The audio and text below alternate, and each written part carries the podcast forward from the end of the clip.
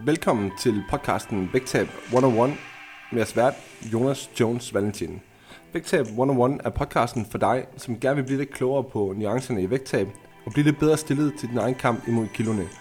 Derfor så tager jeg hver uge emner op, som jeg løbende støder på i mit daglige arbejde med mine klienter.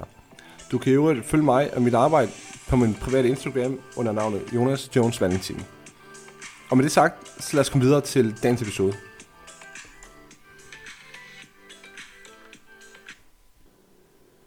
What's up guys, og velkommen tilbage på podcasten Vægtab 101, hvor vi i dag er nået til episode nummer 24. Um, øhm, og i dag kunne jeg godt tænke mig, um, at vi skal snakke om det her med at tabe sig, selvom man spiser mere, end man plejer. Fordi du har måske stødt på diverse opslag, uanset om det kommer fra nogle coaches, eller om det kommer fra en af dine venner eller veninder, som er inde i, i en rivende udvikling med, med deres vægttab, og taber sig, som de måske aldrig har tabt sig før. Men så er der alligevel lige den der lille krølle på halen, der hedder, at, eller i hvert fald at de skriver, at de spiser mere, end de nogensinde har gjort før. Fordi hvordan hænger det lige sammen med, at man er inde i en rivende udvikling, og man taber sig bedre, end man har gjort tidligere, men alligevel så spiser man mere, end man har, hvad man har gjort før. Det giver jo ikke super meget mening, når man lige tænker over det. Så det kunne jeg godt tænke mig at dykke lidt, ned, lidt mere ned i i dag. Øhm, også fordi, at når man siger det der med, at man spiser mere, end man nogensinde har gjort før, så må man jo antage, at siden man har brug for at tabe sig, så må man jo formentlig have været inde i en eller anden periode på et eller andet tidspunkt, hvor at man har spist for meget. Fordi ellers så bliver man som udgangspunkt ikke for tung. Man vejer som udgangspunkt ikke 10, 15, 20 kilo for meget, hvis man ikke har spist for meget på et eller andet tidspunkt. Øhm, og jeg, jeg er med på, at en gang imellem, så behøver det ikke være helt så sort-hvidt. Det kan jo også sagtens være, at man over 10 år måske har samlet 500 gram op i måneden. Øhm, det bliver til mange kilo over 10 år, hvis man hver eneste måned samler 500 gram op. Men overvej lige 500 gram om måneden, det er jo kun 125 gram i, i ugen. Så det kan jo sagtens komme snigende på. Så der behøver man faktisk ikke engang at spise super meget for meget. Øhm, så det er bare lige for at få den nuance med på det, så I, så I er klar over, at det er jeg faktisk med på. Øhm, men det er jo nu engang bare sådan, at de fleste, som vejer 10, 15 eller 20 kilo for meget, eller hvor meget det nu er, øhm, de er godt klar over, at de formentlig har spist for meget på et eller andet tidspunkt. Øhm, så anyway, det er det, jeg godt kunne tænke mig øh, at dykke lidt ned i, fordi hvordan delen dulen kan det lige lade sig gøre, det der med at spise mere end, nogensinde, end man nogensinde har gjort før, og alligevel så taber man sig bare. Så, så det er sådan set det, der er planen for i dag. Øhm, og nu håber jeg ikke, at jeg har været lidt en, en laban og, og tændt for, for fanen op i loftet i dag, fordi det er mega varmt her på kontoret, så hvis du kan høre en eller anden baggrundslyd, så er det sådan set bare den. Og igen, jeg håber, lyden bliver lidt bedre i dag, for nu har jeg forsøgt mig med endnu et initiativ, ved at få noget mere ind i det kontor her. Umiddelbart, så, så runger det mindre, synes jeg, men det må du lige give mig en melding på, om, om det stadigvæk er lige så håbløst, som det plejer at være. Øh, jeg arbejder på sagen i hvert fald. Så ja, men før vi lige dykker i gang, eller dykker ned i ugens emne, øhm, så kan jeg selvfølgelig godt tænke mig at slå et slag for, at hvis du nu står og går med overvejelser om, at du godt kunne tænke dig at påbegynde et vægttab igen gang her efter ferien, øhm, og der er et eller andet, du er i tvivl om, noget som du mangler for clearet, så smid mig en besked på Instagram, hvis du har brug for et råd. Øhm, det kommer jeg gerne med, øhm, og har du brug for at have en professionel med på, på sidelinjen i dit vægttab hele vejen igennem, jamen, så smid mig en mail på mailsnabla.jonascoaching.dk eller udfyld formularen på min hjemmeside. Øhm, så skal jeg nok ringe dig op, og så skal vi to nok tage os en god samtale og se, om det giver mening, at vi to overhovedet har et samarbejde. Øh, for det er selvfølgelig vigtigt, at der er en eller anden form for kemi der. Så ja, det var sådan set bare lige et par små ting, som jeg lige skulle have hjertet. Øhm, og med det synes jeg egentlig bare, at vi dykker ned i ugens episode. Øhm, så det der med at spise mere og fortsat tabe sig, det taler jo lidt mod i den, i den klassiske, som, som vi ellers plejer at have omkring vægttab. Du ved, nogle gange så bliver det jo i, nogle gange i, i vægttabskreds, så bliver det jo meget krasset ned til, at jamen, du skal sådan set bare lave mere og spise mindre. Øhm, så, så derfor, lad os lige starte med at få på plads, hvad der egentlig menes, når man ser sådan en, sådan en udtalelse omkring det her med, at man spiser mere, end man nogensinde har gjort før. Fordi at der er altså en forskel på at spise mere mad, end man nogensinde har gjort før, og på at spise flere kalorier end nogensinde. Og grunden til, at der er en forskel på det, det er, fordi vi har noget, øhm, som vi kalder et mæthedsindeks. Øhm, og det her mæthedsindeks, øhm, det fortæller meget kort, at hvor meget mad fylder per kalorie. Det vil sige, hvis vi skal komme med et konkret eksempel, øhm, så kunne det for eksempel være, at noget magert kød med nogle kartofler på din tallerken, for eksempel nogle kogte kartofler, øhm, det fylder noget mere per kalorier, end for eksempel den samme mængde kalorier vil gøre i toastbrød med smør på. Med andre ord, at når du spiser 400 kalorier af begge dele, jamen så det her, det her kød og kartofler, det giver dig en, en ret stor portion mad, som både, øh, både mætter og fylder i din mave, øh, og du vil måske endda også have svært ved at spise op, det skal jeg ikke kunne sige. Hvor at hvis vi kører toast med smør for eksempel, jamen så giver det os en mængde mad, som, som ikke syner er voldsomt meget, og som er forholdsvis nem at konsumere på ret kort tid, øhm, og som er overvejende sandsynlighed heller ikke mætter dig super meget, og jeg, jeg tror ikke, du vil have noget problem med at komme igennem sådan et par skiver toast der med smør på. Altså, det er ikke andet end et par skiver, eller maks tre, vi snakker om, øh, alt efter hvor meget smør man kommer på. Øhm, så hvis man nu forudsætter, at, at de her eksempler her, de går igen hele dagen, altså det her med, at der er, det, der er den her mad, som, som giver os rigtig meget fylde, og så er den her mad, som giver os knap så meget fylde. Øhm, så hvis vi nu for eksempel til morgenmad kører en portion skyr med noget frugt, i stedet for en bolle med noget fed ost, og til frokost, der kører vi noget rugbrød med en tunsalat, som er rødt op på skyr og hytteost, i stedet for at køre øh, et par skiver rugbrød med spejepøls med remo og ristet løg og hele muligheden. Øh, eftermiddagssnacken, den bliver måske to skiver knækbrød med noget ost og noget marmelade, i stedet for at blive tre chokoladekiks. Og aftensmaden kan igen godt være, der er vi tilbage til det her med, der er nogle kartofler, der er noget mere kød, der er nogle grøntsager, i stedet for at der er en eller anden fed pasta carbonara med, med, med alt det lækre. Øhm, så, så hvis det er de her forudsætninger, vi kører med, jamen, så er det klart, at lige pludselig, så spiser man rigtig meget mad, fordi man vælger de her mere løsninger. Fordi man vælger de her fødevarer, som ligger overvejende højt på mæthedsindekset. Og når man vælger de fødevarer, og man gør det kontinuerligt over hele dagen, så kommer man til at have den der feeling med, at man spiser super meget mad. I hvert fald i forhold til, hvad man er vant til. Øhm, og det fylder med garanti også mere i mavesækken, end, igen, end hvad du er vant til, også selvom du måske får færre kalorier. Og omvendt kan man sige, hvis man kigger med de andre ting, at den anden ramse, som, eller de andre valgmuligheder, valgmuligheder jeg ramset op, jamen så vil man få indtaget en del kalorier over sådan en dag, uden nødvendigvis at føle sig mega mæt. Og hvis man spiste til man var mega mæt, jamen så vil det omvendt være på bekostning af, at man faktisk indtog en, en hel del kalorier. Øhm, så, så nogle af fordelene, der selvfølgelig ligger i at vælge de her fødevarer, som ligger højt på mæthedsindekset, det er, at man naturligt opnår en mæthed hurtigere, end hvad man ellers vil gøre, fordi man spiser mad, som ligesom har en høj volumen. Øhm, dermed ikke sagt, at man ikke kan indtage for mange kalorier af den slags mad, fordi det kan man sagtens, og det er igen også det her med forskellen på at, at spise sundt og spise efter et vægttab. Det kan der sagtens være forskel på. Øhm, men, men ellers, den primære årsag til, at der spises mere end nogensinde før, eller at man i hvert fald er den oplevelse, det er, at der lige pludselig spises mad med, med en rigtig høj volumen. Man får rigtig meget fylde i sin mad per kalorie, og det gør, at man får oplevelsen af at være mæt, og man får oplevelsen af, eller man får ikke oplevelsen af, at man, man indtager rent faktisk færre kalorier, fordi man simpelthen er mere mæt. Øhm, så selv med det sagt, så skal man altså ikke tage fejl af, at det hele det bunder i, at når man taber sig, uanset om det er fordi man spiser fødevarer, som fylder rigtig meget, eller man bare har en god portionskontrol på de andre fødevarer, som måske giver lidt flere kalorier på, på lidt mindre fylde, jamen så er det selvfølgelig, fordi man er i kalorieunderskud, fordi det er selvfølgelig det, der er essensen af det hele. Det er ikke sådan, at, at du bare lige kan ændre på timing af måltider, eller frekvens, eller noget helt andet, og så sker der bare lige noget magisk. Ej, typisk, når der sker noget positivt i, for, i forhold til vores fedtmasse på kroppen, jamen så er det fordi, at de kalorier, vi indtager, jamen det placerer os i kalorieunderskud, og det kan være, fordi vi har sunket med, mængden af mad, vi spiser, men det kan også være, fordi vi har øget vores aktivitet. Men, men ofte så har det rigtig meget at gøre med mængden af mad, som, som ligesom kører ned. Øhm, så, så det er sådan den primære årsag til det. Altså at man vælger mad, som, som ligger højt på midthedsindekset, øh, indekset, i stedet for at, at gøre det modsat. Så ja, det er altså den, den primære årsag til, at, at man har den her oplevelse af, at, man, man indtager mere mad, end man nogensinde har gjort. Men, men der er selvfølgelig også andre årsager. Øhm, og hvis vi skal kigge på den anden årsag, som, som også fylder en del i mange overbevisning, måske ikke helt så meget som den første, men, men, den, men, men det er tæt på, øhm, så er det det her med det ugenlige kaloriebudget. Og det har jeg jo været inde på mange gange her på podcasten. Både på podcasten, på Instagram og på min blog. I forbindelse med de artikler, jeg lægger ud.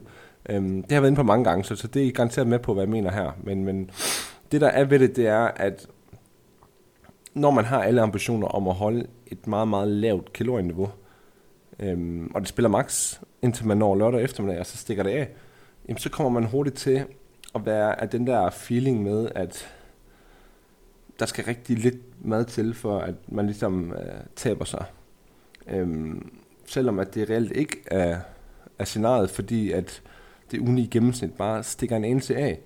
Øhm, så selvom man er mega, mega, mega god hele ugen, så det er ret nemt at forskyde sit gennemsnit så meget på, på en dag eller halvanden i weekenden, sådan til at det faktiske kalorieindtag egentlig er, er, er højere, end man lige går og tror. Så når folk også får den her oplevelse med, at de kan tillade sig at spise rigtig meget mad, og alligevel har en god fremgang, og de har en fornemmelse af det her med, at de spiser mere, end de plejer at gøre, så hænger det også rigtig meget sammen med, at det foregår over syv dage pludselig. Øhm, det her kalorieindtag, det er lige pludselig stabilt over en hel uge. Der er ikke de der store udsving i weekenden. Og når man tager den portion kalorier, som der ligesom plejede at være i weekenden, som var for meget, og fordeler dem ud over ugen i stedet for, jamen så er kalorieindtaget lige pludselig rigtig lækkert, rigtig fleksibelt. Øhm, så, så generelt set, hvis du har den her feeling af, at du spiser få kalorier, der bare ikke sker noget, så i mange, mange tilfælde, så hænger det sammen med, at du bare ikke er stabil nok over syv dage. Og hvis du så siger, jamen Jonas, det er jeg sgu, altså jeg er sgu stabil over syv dage, jamen så er vi nødt til at have 14 dage, eller er vi nødt til at have 21 dage, eller er vi nødt til at have 28 dage. Fordi at det her med at indtage få kalorier, det virker. Det kan godt være, at det er super midlertidigt, og det er super kortvarigt, og det ikke holder for mange på sigt. Men i momentet, når man gør det, så virker det, hvis det bliver holdt kontinuerligt. Og det er det, der er svært for mange, fordi det er sgu hårdt. Det skal være alle ugens syv dage, at kalorierne tæller. Men, men det er desværre bare den forudsætning, der er. Det der med, at weekenden, den tæller sgu bare lige så meget som, som alt andet også. Øhm, så, så igen, når du læser det der med, at man spiser mere mad end nogensinde, så hænger det altså super meget sammen med, at, som jeg nævnte lige før, vi snupper en del af det der weekendbudget, som plejer at være højere, og fordeler det ud over hele ugen i stedet for. Øhm, og når, når man gør det, og man ikke har de der vilde, vilde afstikker i weekenden, jamen, så, bliver man over, så bliver man overrasket over, hvor meget man egentlig kan slippe afsted med og indtage fordelt ud over hele ugen. Og, og det jeg sidder og siger her, det er ikke, at der ikke må være nogen difference overhovedet på din weekend og hverdag, fordi at hvis du har fulgt lidt med, hvis du har fulgt lidt med på kanalen i noget tid, så ved du også, at jeg synes, det er naturligt, det er det også for mig selv, det, er det, det vil det være for de fleste, at, at vi har brug for lidt ekstra i weekenden, fordi vi har fri, fordi vi ikke er inde i hverdagens hamsterhjul, fordi vi har mere tid til at hygge. Når vi hygger, så er det ofte med mad. Og det er også helt okay, fordi for mange vil det formentlig ikke være holdbart, hvis det ikke var tilfældet. Så altså, det er ikke fordi, det skal være 100% ens. Men jeg siger bare, at vi skal kunne finde en løsning, hvor det er mindre afvielser, hvor det bare er en anelse ekstra, i stedet for at det skal være hele eller halve fridage, hvor vi bare slår hovedet fra. Øhm, for det, det, det er et problem, når vi snakker vægttab, og det kan meget, meget nemt gå rigtig hurtigt. Jeg har lagt mange eksempler op på, hvor hurtigt man kan akkumulere nogle, nogle kalorier, øh, når man først giver los. Øhm, så, så igen, det der med at få den fordelt ud over hele ugen, det har også nogle andre afledte effekter, fordi når du generelt set indtager mere i løbet af hverdagen, set over en hel uge, ikke kun et par dage, men, men det her det er en effekt, som ligesom kommer ind, når vi har gjort det en uge, eller to uger, eller tre uger, jamen, så begynder det helt automatisk at skabe mere kontinuerlig mæthed. Og det begynder at skabe en følelse af, at vi igen spiser mere mad, end vi plejer, fordi vi er med det. Og det er man måske ikke vant til at være i et mættab. Og det der med, at vi akkumulerer noget mæthed, Øhm, og det har jeg også tidligere dedikeret en hel episode til her på podcasten. Så du ikke har hørt den, så gå tilbage til episode 10 og hør, hvad det er for en rolle, som vægttab faktisk spiller, eller undskyld, som, som mæthed faktisk spiller i et vægttab. Fordi det er faktisk ret relevant. Øhm, for mæthed, det er mega relevant. Fordi når vi er med det, når vi er tilfredse, jamen så kommer vi til at være overvejende mere stabile i de ting, vi gør set over en hel uge. Øhm, så det der med at, at rydde op i, i indtaget af mad set over, over hele ugen, det spiller altså også en, en ret signifikant rolle i forhold til det her med at føle, at man spiser mere end nogensinde før, fordi man ikke længere går og koncentrerer sig i hverdagen om at, at begrænse sig så meget som muligt, fordi man ved, at man skylder lidt for forrige weekend, for eksempel. Og det der med at skylde, jamen, det er selvfølgelig en, en historie til, til en anden dag. En sidste ting, øhm, som også er super relevant at nævne, øhm, og som også er et produkt af, at, at der generelt bliver spist mere i løbet af ugen, som også er et produkt af, at vores mæthed er højere, at mad er tilgængeligt. Det er det her med vores mørketal i kosten. Mørketallet i kosten har jeg tidligere omtalt her på podcasten. Øhm, og vores mørketal, det er noget, som, som vi alle sammen har. Det har vi sgu næsten alle sammen. Øhm, det dækker over de ting, som vi ikke lige får registreret, at vi spiser. Uanset om det er ubevidst, fordi det er bare noget, vi plejer at gøre, vi slet ikke tænker over, vi spiser det måske, eller om det er den klassiske der med, at du ved, ingen kigger, så tæller det heller ikke. Øhm, for mig personligt, jeg har også et signifikant mørketal i min mad. Øhm, der vil det for eksempel være sådan noget som med, at når jeg laver lillemandens mad, jamen, så smager jeg typisk på den. Øhm, uanset om det er, når jeg laver den, eller når han spiser den, eller han ikke spiser op, eller hvad ved jeg, jamen, så får jeg formentlig noget der. Det kunne for eksempel også være, hvis jeg smider, jeg skal bare sige, hvis jeg skulle have 20 gram peanut butter i min, i min morgengrød, jamen så kan det godt være, at der kommer 20 gram i, i ned i bøtten, men så sidder der måske lige 7 gram mere på skeen, som ikke rører i bøtten igen, men som rører i munden i stedet for. Øh, men, men det har vægten ikke forholdt sig til, for eksempel. Så det kunne også være sådan noget. Og igen også i mit eget, for mit eget vedkommende, der kunne det også være mælk i kaffen. Ikke fordi, at vi skal tælle et squeeze med. Øhm, men lad os nu sige, hvis jeg drikker 5 kopper kaffe, og jeg får 20 eller 30 ml mælk i hver, hvad ved jeg. Øhm, det akkumulerer sig også. Hvis det er 4 eller 5 kopper kaffe om dagen, så nærmer vi os 100 ml, 100 ml om dagen. Det kan godt være, at det kun er 40 kalorier. Men hvis det så sker 7 dage i ugen, jamen, så har vi lige 280 kalorier der. Øhm, det samme med grøntsager. Altså jeg er jo stor fortaler for, at grøntsager skal være gratis. Forstået på den måde, at, at vi skal ikke bruge tid og kræfter på at track vores grøntsager, fordi det stresser for meget i forhold til nogle andre ting. Øhm, der skal vi have noget ro omkring det, fordi det gør måske, at vi ikke overspiser andre ting i stedet for, fordi vi har noget frihed omkring det her. Men det ændrer ikke på, at de er ikke gratis. Øhm, så mit koncept bygger meget på, at både på min egen mad, men også på mine klienters, at jeg tager højde for de første 400 gram, de spiser, sådan at vi ikke Øhm, så de første 140 kalorier, øhm, som, som 400 gram grøntsager indeholder typisk i gennemsnit, jamen, de er der ligesom planlagt med. Så det vil sige, hvis de spiser 700 gram grøntsager, så er det kun 300 gram, der er ekstra. Øhm, men, men de ekstra grøntsager, de tæller, også, de tæller altså også i, i kaloriebudgettet.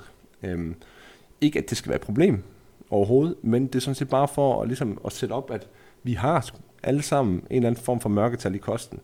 Det er meget, meget, meget, meget, meget sjældent, at man vidderligt tracker alt som hvert et lille gram, man spiser. Og hvis man gør det, så er det ofte kun i en meget kort periode, man kan gøre det. Øhm, så ja, altså især øhm, altså det her mørketal, det er især udbredt, når man er, når man er begrænset på sine kalorier. Igen, hvis jeg skal bruge mig selv som eksempel, til sidst i kalorieunderskud, hvis jeg har været i kalorieunderskud et par måneder og forsøgt at smide lidt fedt, jamen så jo længere hen jeg kommer i det her kalorieunderskud, jo mere stiger mit mørketal ubevidst, fordi jeg simpelthen søger de her ting her, som lige kan stimulere min, smagslans, min, min smagssanser, uden at det skal tælle mit kaloriebudget. Øhm, og der skal jeg virkelig, virkelig, virkelig holde mig selv i kort snor, hvis jeg skal undgå det, fordi ellers så sker det simpelthen bare. Og det gjorde det også dengang, jeg stillede op til konkurrencer. Øhm, så det er formentlig meget naturligt, at for mange af jer, så vil det også ske. Det kan godt være til at starte med, når man lige er i gang med det hele, og det bare kører, og det hele er nyt, og og så videre, man er super målrettet, jamen, så sker det måske ikke. Men stille og roligt, så, så kommer det altså bare snigende ind. Og det kan være de mindste ting først, men stille og roligt, så akkumulerer det sig bare. Og det kan helt sikkert være noget af det, som spiller en rolle i, at, at mange de rammer plateauer undervejs i deres vægttab. Og det er igen det her med, som jeg altid siger, det stopper ikke med at virke, men, men vi stopper bare med at gøre, hvad vi plejer at have gjort. Så hvis vi tidligere overhovedet ingen mørketal har haft i vores kost, og der lige pludselig er et par hundrede kalorier eller mere set over en hel uge, undskyld, set over en, over en hel uge, jamen, jamen så er det klart, at så er det med til, at, at man kun har et, et moderat kalorieunderskud, i stedet for et aggressivt kalorieunderskud, eller måske endda, i stedet for et moderat kalorieunderskud, kun har et meget lille kalorieunderskud. Øhm, så, så over tid, der håber det her så altså bare op, Øhm, og nu, nu nævnte jeg det her med et moderat kalorieunderskud og et aggressivt kalorieunderskud. Øhm, en af de ting, man også kan gøre, du ved, for at ligesom imødekomme det her, eller være på forkant med det, eller undgå det, det er generelt set at lade være med at sigte efter et aggressivt kalorieunderskud, for det indbyder lidt mere til det, fordi du er mere begrænset. Gå med det moderate kalorieunderskud, som er en 400-500 kalorier, måske maks 600 allerhøjst øhm, om dagen, teoretisk set, hvis man laver en beregning på det. Og så også det her med at spise de her høje volumen fødevarer, som, som ligger højt på mæthedsindekset. Øhm, og generelt være mæt, ligesom som jeg har været inde på tidligere, og som du også kan høre i episode 10. Altså gå efter at være, være super mæt i dit vægttab, fordi det spiller altså en vigtig rolle i forhold til vægttab på den lange bane. Det kan godt være, at man i en kort periode godt kan, kan holde sig fra at være mæt, men, men på den lange bane der er det altså skide relevant, at man er mæt og tilfreds. Igen selvfølgelig indforstået med, at når man prøver at tabe sig, så kan man ikke altid være mæt. Du vil være sulten i perioder. Men man kan i hvert fald godt tage højde for, hvad det er for nogle fødevarer, man spiser, og forsøge at maksimere sin mæthed mest muligt. Øhm, og igen, det spiller bare en rolle i at minimere det her mørketal her. Øhm, fordi at jo mere begrænset man er, jo mere sult man går og er, jo mere leder man efter de her ting, som man kan slippe afsted med. Og guess what? Der er bare mindre, end, end, end man lige tror, man kan slippe afsted med, fordi kroppen reagerer, eller den registrerer selvfølgelig det hele. Den, den kan man ikke bare lige snyde ved at lige at haps et eller andet, selvom at der ikke er nogen, der ser det. Så ja, for at samle op på det her, så det kan sagtens være, ja, at der spises mere, end, end hvad der nogensinde har været gjort før. Det, det kan sagtens være, hvert fald når vi kigger på mængden af mad. Men når vi kigger på mængden af kalorier, så er det ikke tilfældet, fordi selvfølgelig vil vi ikke tabe os, hvis vi spiste færre kalorier, eller undskyld, flere kalorier, end vi nogensinde har gjort før. Så der spises mere mad, ja, det fylder mere, ja, men det giver færre kalorier. Og når vi summer det her op, jamen, og vi taber os, og det går fremad, jamen, så er det fordi, vi er i kalorieunderskud. Så det er sådan set det, der er alfa og omega i det. Så øhm, det er da helt sikkert noget, at man, man bør gå efter og spise sig mæt, i stedet for at man, man for ofte vælger lækkerhed i stedet for, mæthed, øh, i stedet for mæthed i sit vægttab. Fordi igen, som sagt, på den korte bane, der kan godt være, at man kan holde det, men vi har brug for mæthed for at være stabile på den, på den lange bane. Øhm, og en sidste kommentar til det her, det er jo også grunden til, at man, man ofte ser det, for eksempel hos folk, som er i forløb på en kostplan eller lignende, det er jo netop, at, at de her planer, de er bygget op omkring mad, som er i godsøjne super sunde, super kalorielette øhm, fødevarer generelt, og det gør, at de føler, at de får spist meget mad i løbet af dagen. Så jeg håber, det her giver mening, og hvis, hvis du har et spørgsmål til, øh, til ugens emne, øh, så fyr løs. Hvis der var noget, som ikke gav mening i det, jeg fik sagt, hvis jeg fik kluder i et eller andet, let me know, øh, og så tager vi den derfra. Og ellers så vil jeg lige slutte med at løbe igennem de spørgsmål, som, som er kommet på Instagram. Og igen fedt at se, at selvom jeg smider klistermærket op sent, jamen så kommer det sgu alligevel. Øhm, kommer der sgu alligevel nogle spørgsmål, det, det er mega nice. Første spørgsmål er kommet fra Sabrina. Sabrina hun spørger, eller hun skriver, skriver og spørger kan man sige. Hun skriver, det var mig en gang, men det er gået stå, hvorfor?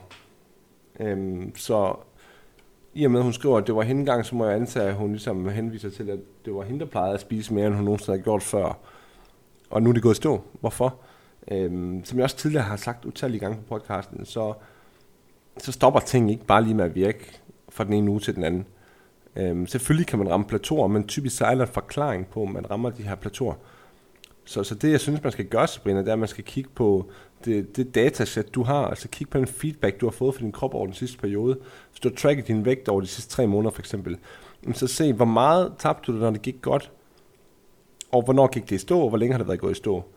Og så kigge på, jamen, efter det var gået i stå, hvis det, hvis det er tre uger, jamen, har du gjort 100% hvad du plejer at gøre i de tre uger, eller har der været nogle ting, som ikke har været, som de plejer? Altså, når man nu tænker på den periode, vi er inde i lige nu, øhm, som, som jo er det her med sommerferie, og der er meget socialt, og det er lige åbnet op efter corona og sådan ting, så er der måske en overvejende sandsynlighed for, at du er fanget af en eller anden form for mørketal i din mad. Selvom du mener, at du tracker det godt og estimerer det rigtig godt det meste, så kan det sagtens være, at der er et skæld imellem, hvad der rent faktisk bliver indtaget, og hvad man estimerer, man indtager. Det vil i hvert fald være mit bud, øh, medmindre du har tabt dig i et omfang af, af meget moderat per uge, så er det usandsynligt, at det bare lige stopper med at virke fra den ene uge til den anden især hvis man holder sit aktivitetsniveau op. Det kunne selvfølgelig også være en, være en faldgruppe. Så har jeg fået et spørgsmål fra Ketin, øh, som spørger, hvilken rolle spiller proteinindtag i alt det her? Så det er klart, at generelt er der mange proteinholdige fødevarer, som ligger forholdsvis højt på det her mæthedsindeks. Når vi så dertil ligger, at protein i sig selv er mere mættende, altså det er den mest mættende makro næringsstof, som vi har, jamen selvfølgelig spiller protein en rolle så. Og generelt vil jeg anbefale, at hvis du godt kan lide proteinholdige fødevarer, altså uanset om det er kød, eller mejeriprodukter, eller tilskud, eller æg, eller hvad fanden det nu kunne være, jamen så gå der efter og, og hold et forholdsvis fornuftigt indtag af protein. Den høje ende af et indtag af protein, det vil være mellem 1,6 gram og 2,0 gram per kilo kropsvægt. Øhm, hvis du ligger deroppe af, og, og nu skal du ikke sidde og tænke, hvis du vejer 80 kilo og 61 høj, at du skal spise 160 gram, så ganger du dobbelt op på, når jeg siger per kilo kropsvægt, så er det, hvis du er normalvægtig. Øhm, fordi at dit proteinbehov er ikke langt større, fordi du vejer 20 kilo mere, og, og, og det er fedt, større, fedtmasse. Bare lige for at få den med også. Men ligge et sted mellem 1,6 og 2,0, alt efter hvor godt du trives med at spise de her fødevarer. Fordi at der er mange fordele ved det. En ting er mætheden, en anden ting er, hvad det bidrager med på kroppen. Der vil også være noget der. Men som jeg også altid siger, så hvis du ikke trives med de her fødevarer, så, så lad være med at, at struggle med det, fordi så er det ikke det værd, fordi det ender bare med at gå ud over det store hele sted for. Og så til sidst og jeg fået et spørgsmål fra Malle, som egentlig bare spørger, kalorier ind versus kalorier ud, vel? Øhm, og ja, fuldstændig enig med. Det er jo det, der foregår, som jeg også har beskrevet her på episoden, i forhold til det her med... Øhm, ja, det kan godt være, at de har en feeling af, at de spiser mere, end de nogensinde har gjort, og de gør det måske også i virkeligheden, men det er igen fordi, at volumen er stor, massefylden er stor, men kalorierne er små. Så reelt set så indtager de færre kalorier end tidligere, men de føler, at de spiser mere mad, fordi at måske maden også vejer mere, fordi de får store, større portioner. Men i sidste ende, så er du helt ret i, at det er kalorier ind versus kalorier ud. Og så kan man bare manipulere lidt med, hvordan man ligesom håndterer den der mæthed. Alright. Det var øhm, krøllen på halen for i dag. Der er ikke mere til jer. Øhm, tak fordi du lytter med, hvis du stadigvæk gør det. Og tak fordi du gider at dele podcasten for mig. Det sætter jeg sgu stor pris på. Smid gerne en, anmul- en anmeldelse eller en vurdering i iTunes, hvis du har lyst til det. Øhm, og ellers så høres vi ved igen i næste uge. Tak for nu. Hej.